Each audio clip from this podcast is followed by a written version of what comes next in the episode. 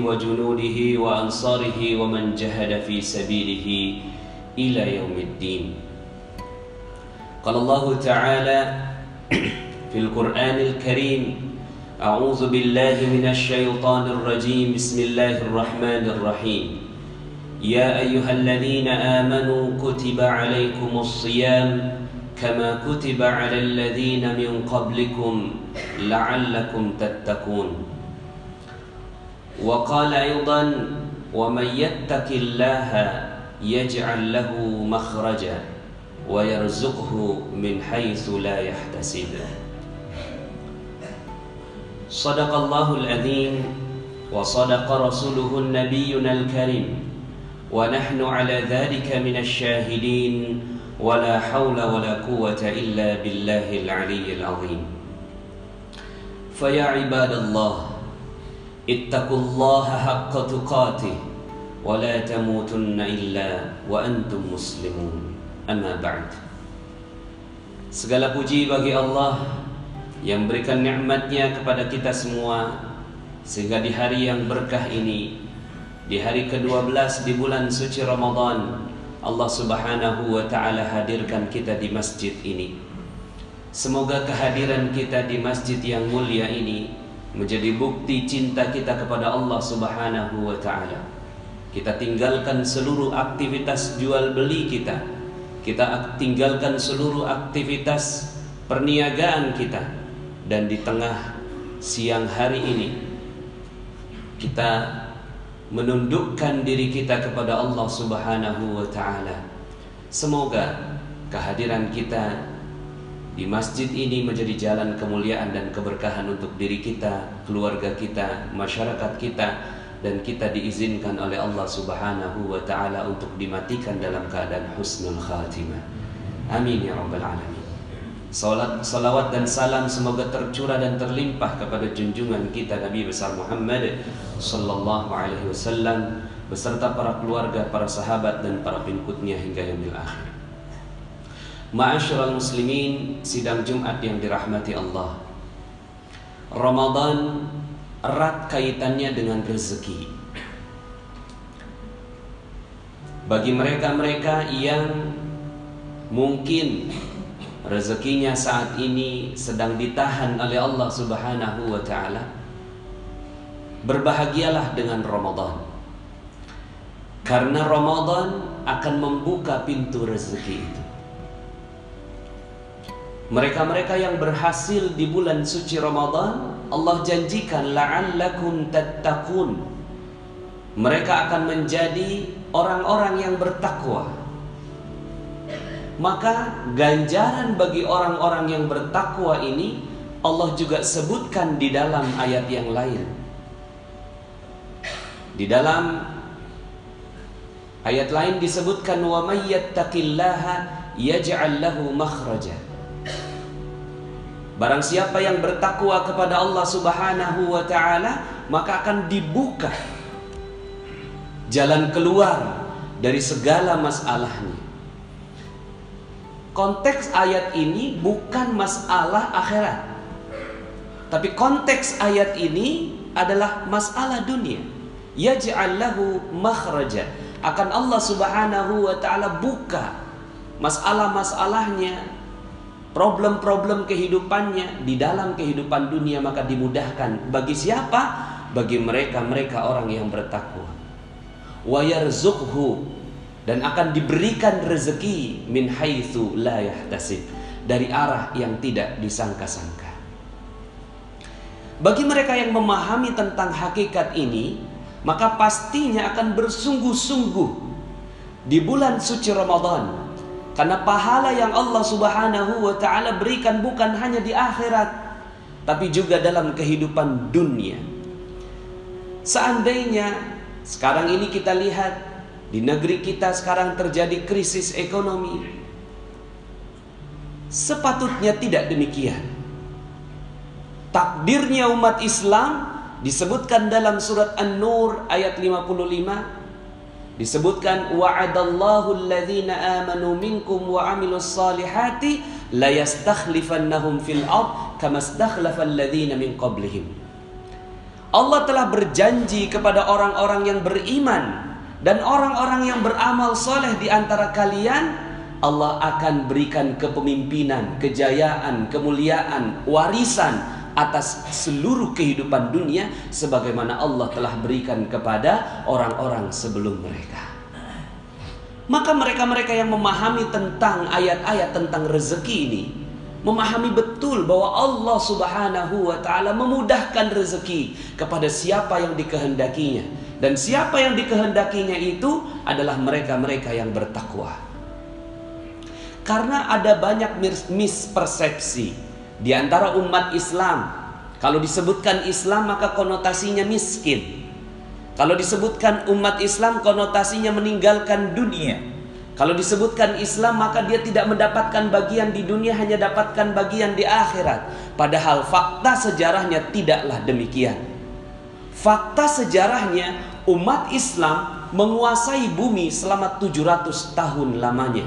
Setelah wafatnya Rasulullah Shallallahu Alaihi Wasallam maka bumi diserahkan kepada umat Islam tujuh abad lamanya. Dan itu Kalaulah jamaah sekalian berkesempatan pergi mengunjungi negara Turki, maka di sana akan dilihat begitu luar biasanya peradaban yang sebelumnya dikuasai oleh umat Islam. Kalaulah kita berkesempatan untuk datang kepada negara-negara Islam yang sekarang ini sedang Allah buka minyaknya, maka kita pun akan terbuka betapa rezeki ini Allah Subhanahu wa taala berikan kepada umat Islam. Itu yang terlihat saat ini. Tersisa. Kenapa disebut tersisa? Karena memang kenyataannya Rasulullah Shallallahu Alaihi Wasallam menyebutkan khairul kurun qarni, Yalunahum, yalunahum. Sebaik-baiknya zaman adalah zamanku lalu kemudian menurun lagi, menurun lagi terus sampai akhir zaman. Sisanya saja masih begitu berlimpah ruah rezeki yang Allah berikan kepada umat Islam. Faktanya di dalam bukunya Dr. Jaribah menyebutkan fikih ekonomi Umar bin Khattab radhiyallahu an menyebutkan bahwa kekayaan para sahabat Nabi itu bermiliar-miliar.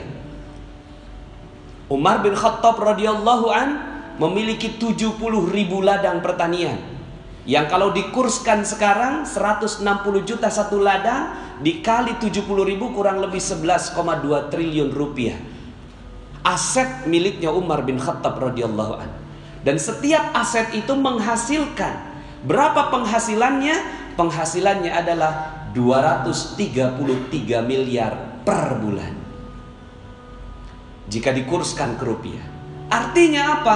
Artinya Umar bin Khattab radhiyallahu an itu amat kaya raya. Tapi untuk apa kekayaannya Umar bin Khattab radhiyallahu an? Kekayaannya bukan untuk dirinya, karena dirinya cukup. Beliau tidur di bawah pelepah kurma. Bajunya hanya dua. Makan dua lauk sudah terlalu berlebihan bagi Umar bin Khattab radhiyallahu an. Tapi kekayaannya melimpah ruah dan kekayaan itu yang diberikan kepada umat Islam di zamannya.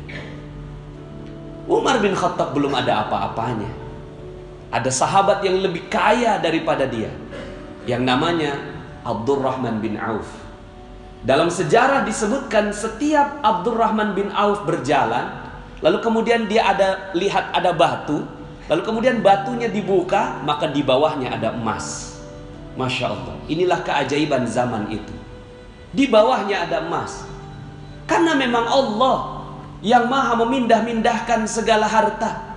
Kecil dunia ini bagi Allah. Karena jika dibandingkan dengan seluruh alam semesta, maka bumi ini hanyalah lebih kecil daripada debu. Maka emas yang digeser datang kepada Abdurrahman bin Auf itu adalah sebuah harta yang kecil di sisi Allah Subhanahu wa taala. Maka para sahabat saat itu menyaksikan keajaiban Abdurrahman bin Auf dan kekayaannya melebihi seluruh kekayaan sahabat. Itu Abdurrahman bin Auf. Bahkan sampai sekarang kekayaan sahabat masih ada. Kekayaan sahabat Nabi bernama Utsman bin Affan radhiyallahu an. Utsman bin Affan radhiyallahu an hidup 1400 tahun yang lalu Beliau sudah meninggal dunia, tapi sampai sekarang rekeningnya atas nama Uthman bin Affan, nomor rekeningnya masih ada di salah satu bank di Saudi Arabia. Masih ada uangnya, masih berkembang. Dan sekarang ini fakir-fakir miskin yang ada di sekitaran Madinah dan di Mekah mendapatkan uang dari rekening tersebut. Masya Allah. Apa yang kita bisa artikan dari ini? Bahkan kerajaan Saudi insya Allah akan membangun satu buah hotel yang memang dianggarkan dari dananya Uthman bin Affan radhiyallahu Ma'asyiral muslimin sidang Jumat yang dirahmati Allah. Kalaulah seandainya disebutkan ada kalangan-kalangan sufi, orang yang zuhud meninggalkan dunia, benar itu mereka sudah sampai pada taraf tertinggi keimanan lalu kemudian disedekahkan seluruh hartanya kepada Allah Subhanahu wa taala. Tapi sebelum itu terjadi, dia melakukan amalan-amalan dunia yang sangat-sangat bermanfaat buat manusia. Makanya dalam sebuah hadis disebutkan khairukum anfa'uhum linnas. Sebaik-baik kalian adalah yang bermanfaat untuk manusia yang lain konteks bermanfaat untuk manusia yang lain di sini adalah konteks bermasyarakat, bersosial, berbisnis, berusaha. Ini bermanfaat untuk orang lain. Seorang pimpinan yang memiliki 100 karyawan, ini khairukum anfa'uhum linnas. Seorang yang berdagang, lalu kemudian dia memberikan manfaat buat orang lain, dagangannya memberi manfaat buat orang lain, ini anfa'uhum linnas.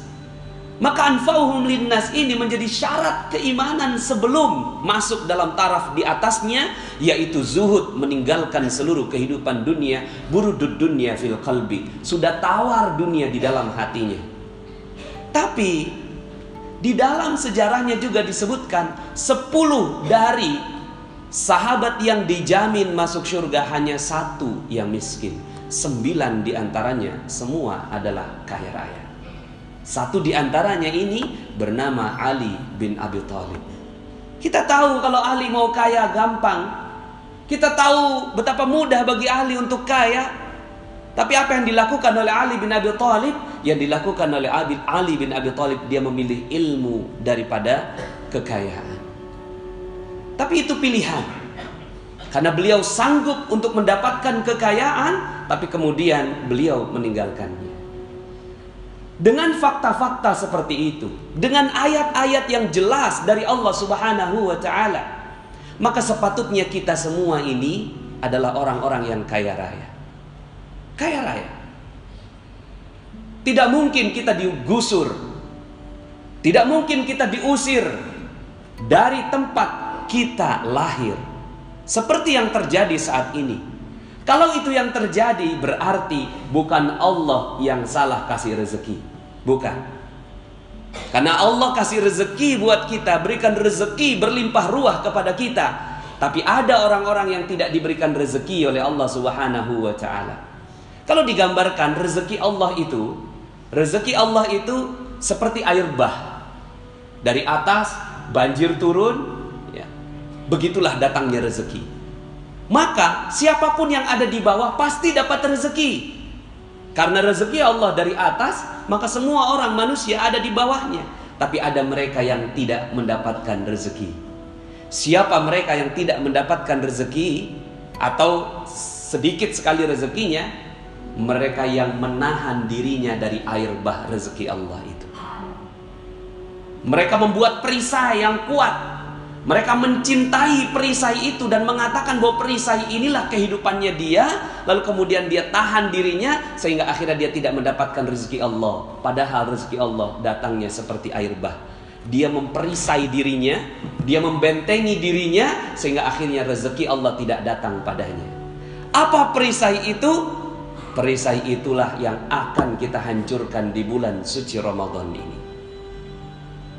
Seandainya manusia tahu tentang hakikat ini, maka dia akan bersungguh-sungguh di bulan suci Ramadan karena mengetahui bahwa perisai inilah yang membuat dia tidak mendapatkan rezeki dari Allah Subhanahu wa taala. Lalu kemudian dia bersungguh-sungguh di dalam Al-Qur'an surat Nuh Allah Subhanahu wa taala menyebutkan tentang hal ini.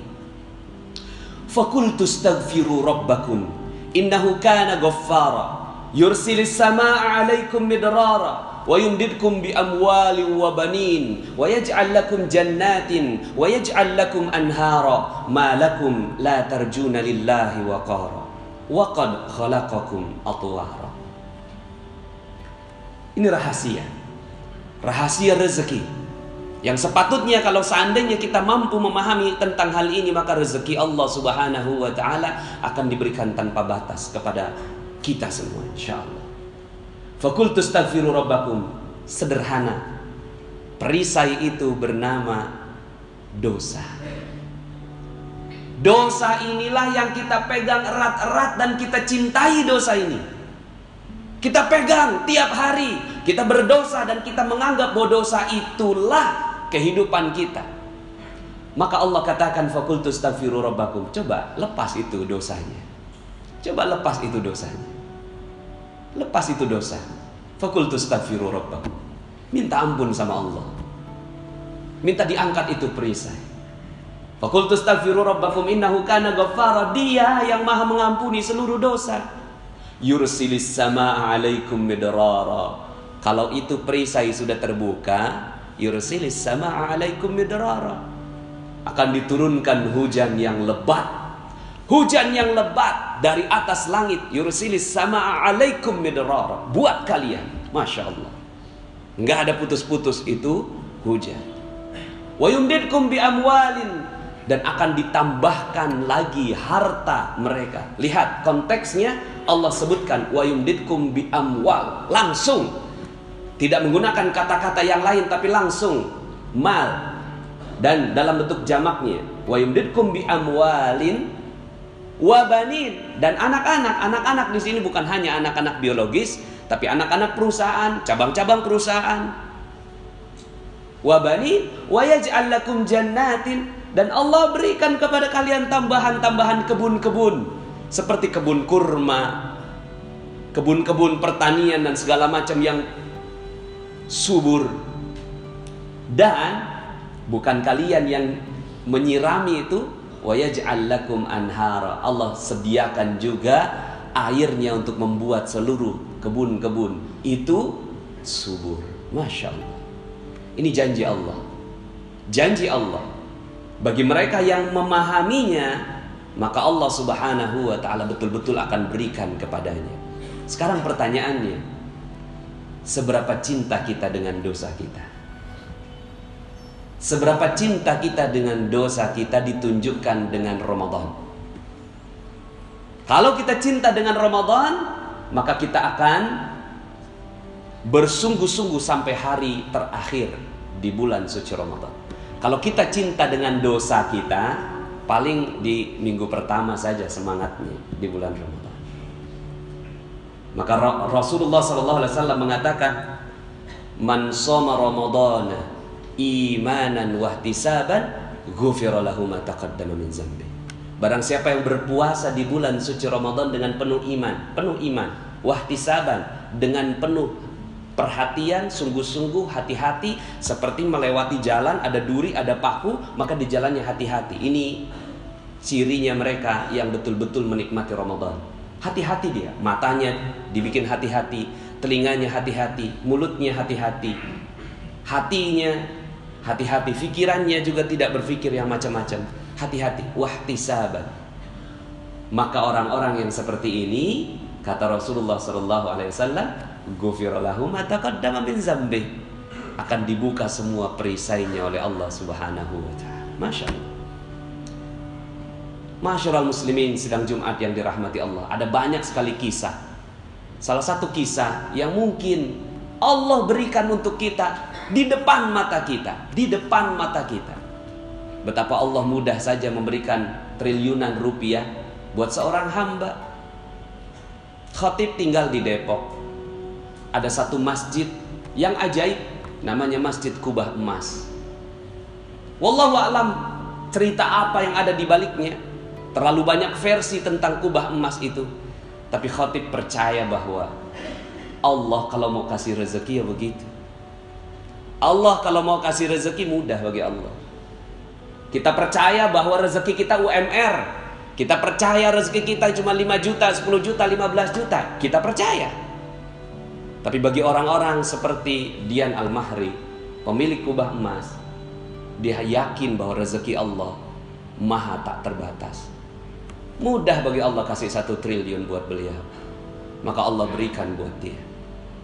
Kita juga nggak butuh banyak-banyak. Kita butuhlah 30 juta, 50 juta sebulan untuk hidup yang baik. Tapi selama ini yang kita lakukan 30 juta, 50 juta, 100 juta satu bulan yang kita lakukan bergantung kepada manusia. Lalu kita cinta dengan dosa kita. Akhirnya jangan 100 juta per bulan. 3 juta aja rasanya terlalu berat buat kita. Maka mari sama-sama Khatib mengingatkan pada diri khatib sendiri. Rezeki kita terbatas bukan karena Allah tidak mau kasih rezeki, tapi karena kita terlalu cinta dengan dosa kita. Barakallahu li fil Qur'anil azim. Wa nafa'ni wa iyyakum bima fihi minal ayati wadh-dhikril hakim. Fataqabbala minni wa minkum tilawatahu innahu huwal ghafurur rahim. Fastaghfiruhu fa ya fawzal mustaghfirin wa ya najatat taibin. Allah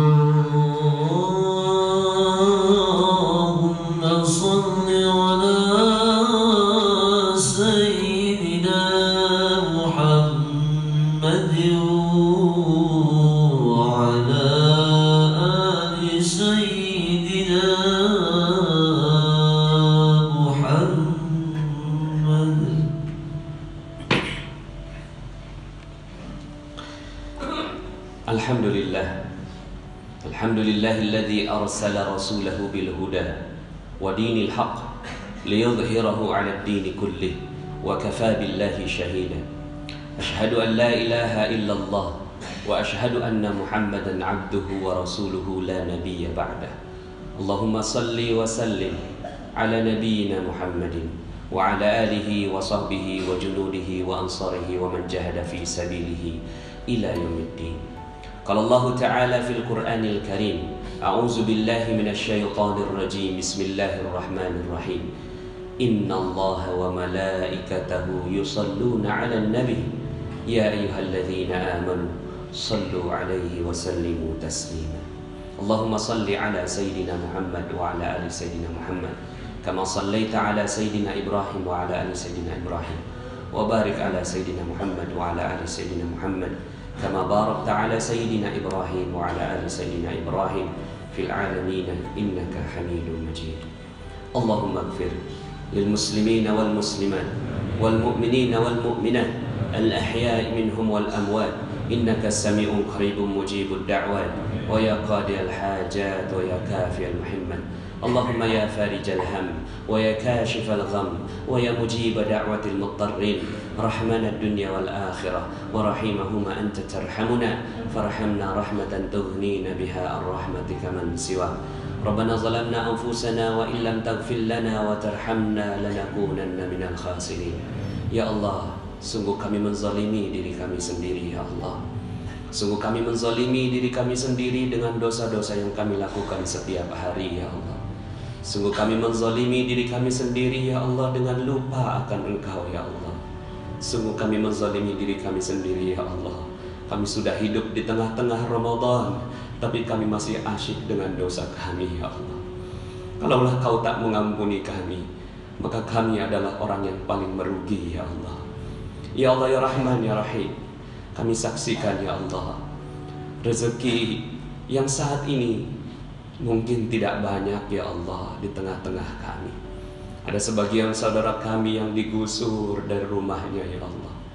Ada sebagian saudara kami ya Allah yang terusir ya Allah Ada sebagian saudara kami ya Allah yang tidak mendapatkan nafkah Ya Allah Kami sadar ya Allah ini bukan karena engkau yang tidak mau kasih rezeki pada kami.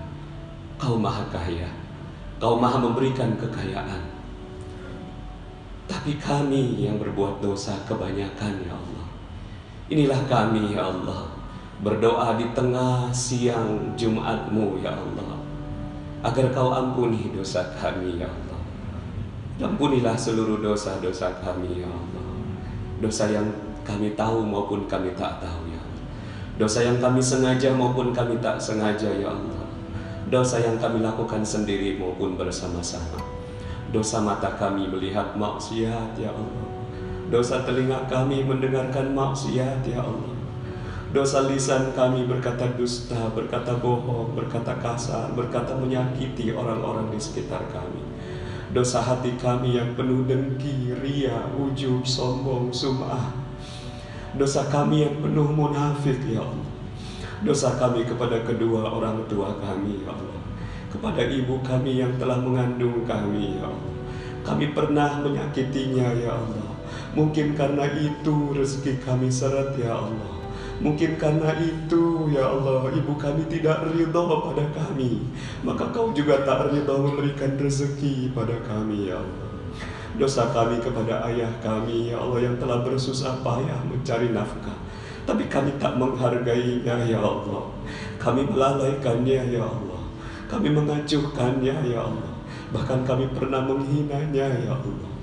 Mungkin karena ketidakridhaan ayah kami Maka kau tak ridha menurunkan rezeki pada kami ya Allah. Ya Allah ya Rahman ya Rahim.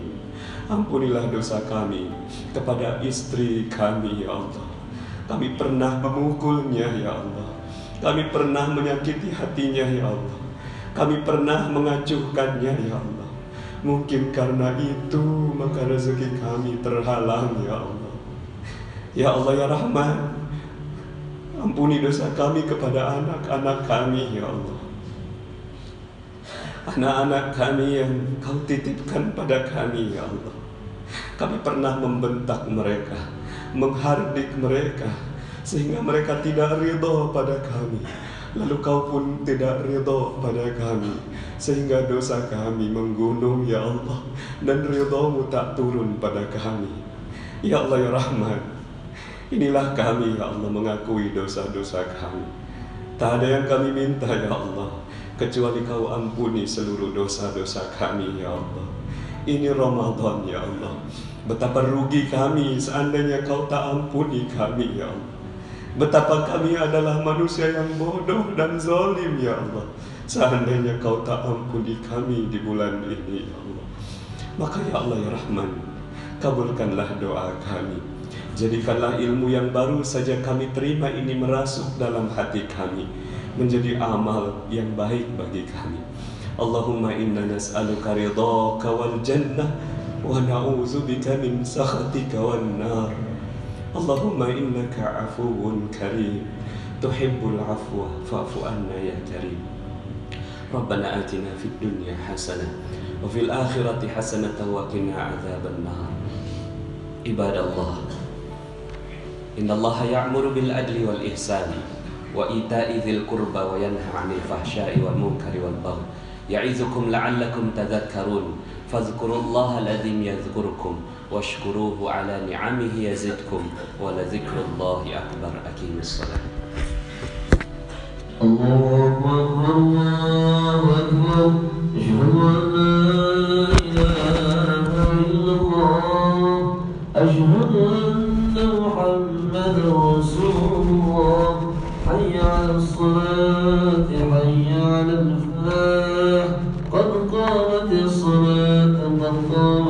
Amen.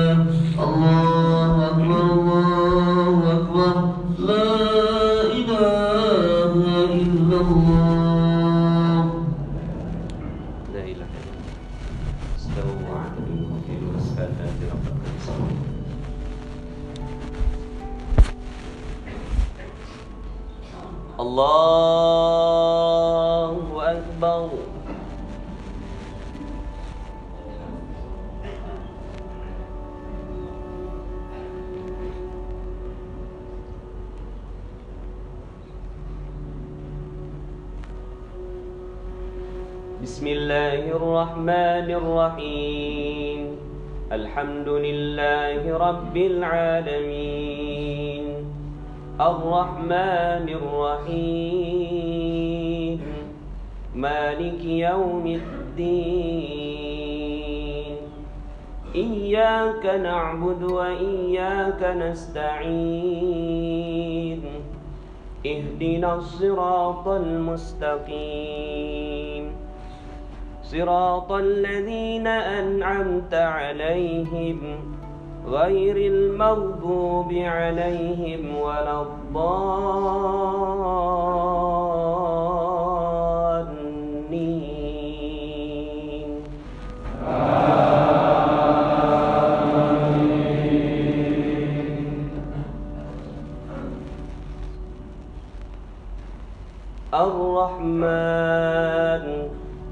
علم القرآن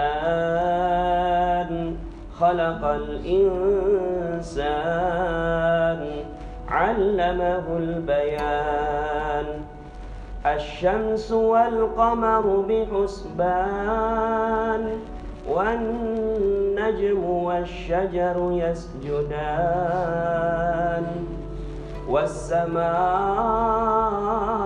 رفعها ووضع الميزان ألا تطغوا في الميزان وأقيموا الوزن بالقسط ولا تخسروا الميزان والأرض وضعها للأنام فيها فاكهة والنخل ذات الأكمام والحب ذو العصف والريحان فبأي آلاء ربكما تكذبان؟ خلق الإنسان من صلصال كالفخار وخلق الجان من مارج من نار فبأي آلاء ربكما تكذبان؟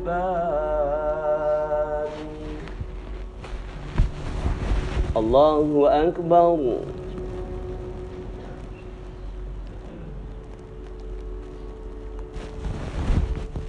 سمع الله لمن حمده.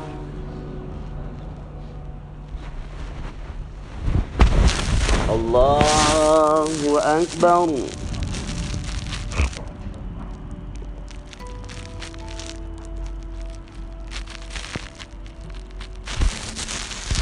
الله أكبر.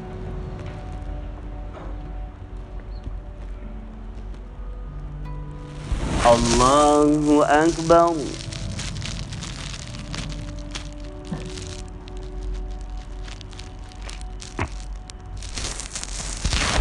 الله أكبر.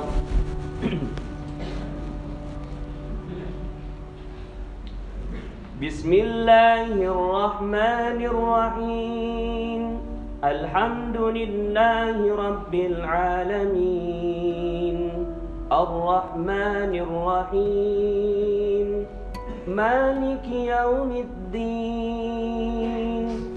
إياك نعبد وإياك نستعين. اهدنا الصراط المستقيم. صراط الذين أنعمت عليهم غير المغضوب عليهم ولا الضالين.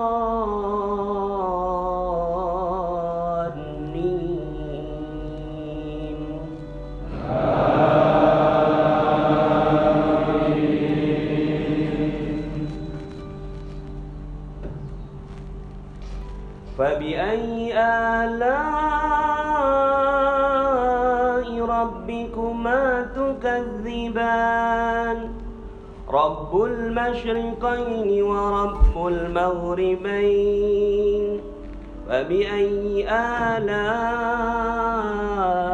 ربكما تكذبان مرج البحرين يلتقيان بينهما برزخ لا يبغيان فبأي آلاء ربكما تكذبان. يخرج منهما اللؤلؤ والمرجان. فبأي آلاء ربكما تكذبان؟ وله الجوار المنشآت في البحر كالأعلام فبأي آلاء ربكما تكذبان؟ كل من عليها فان. ويبقى وجه ربك ذو الجلال والإكرام.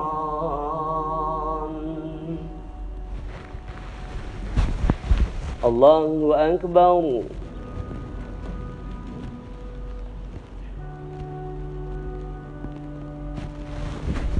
سمع الله لمن حمده.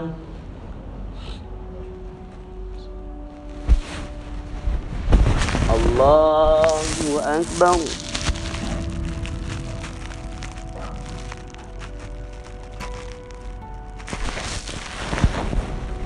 الله أكبر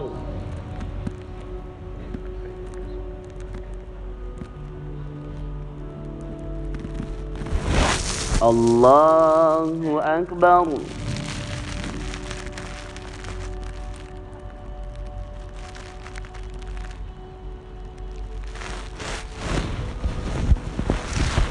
الله أكبر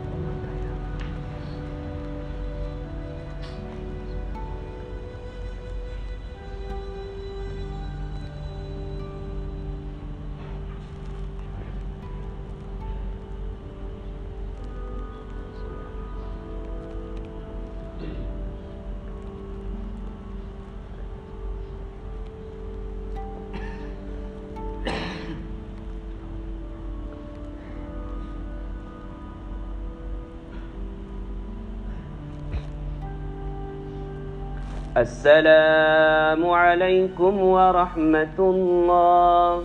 السلام عليكم ورحمة الله.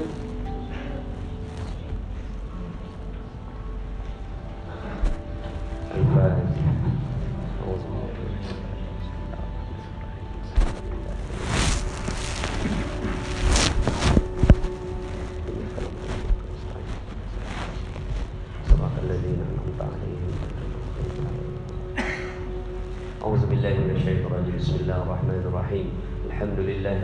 العالمين حمدا ناعمين حمدا شاكرين حمدا يوافي ما هو يكافي مزيدا يا ربنا لك الحمد ولك الشكر كما ينبغي لجلال وجهك وعظيم سلطانك. اللهم صل وسلم على نبينا محمد وعلى آله وصحبه أجمعين. اللهم اغفر للمسلمين والمسلمات والمؤمنين والمؤمنات الأحياء منهم والأموات. إنك سميع قريب مجيب الدعوات. ويا قاضي الحاجات ويا كافي المحمات. اللهم يا فارج الهم ويا كاشف الغم ويا مجيب دعوة المضطر. رحمن الدنيا والآخرة ورحيمهما أنت ترحمنا.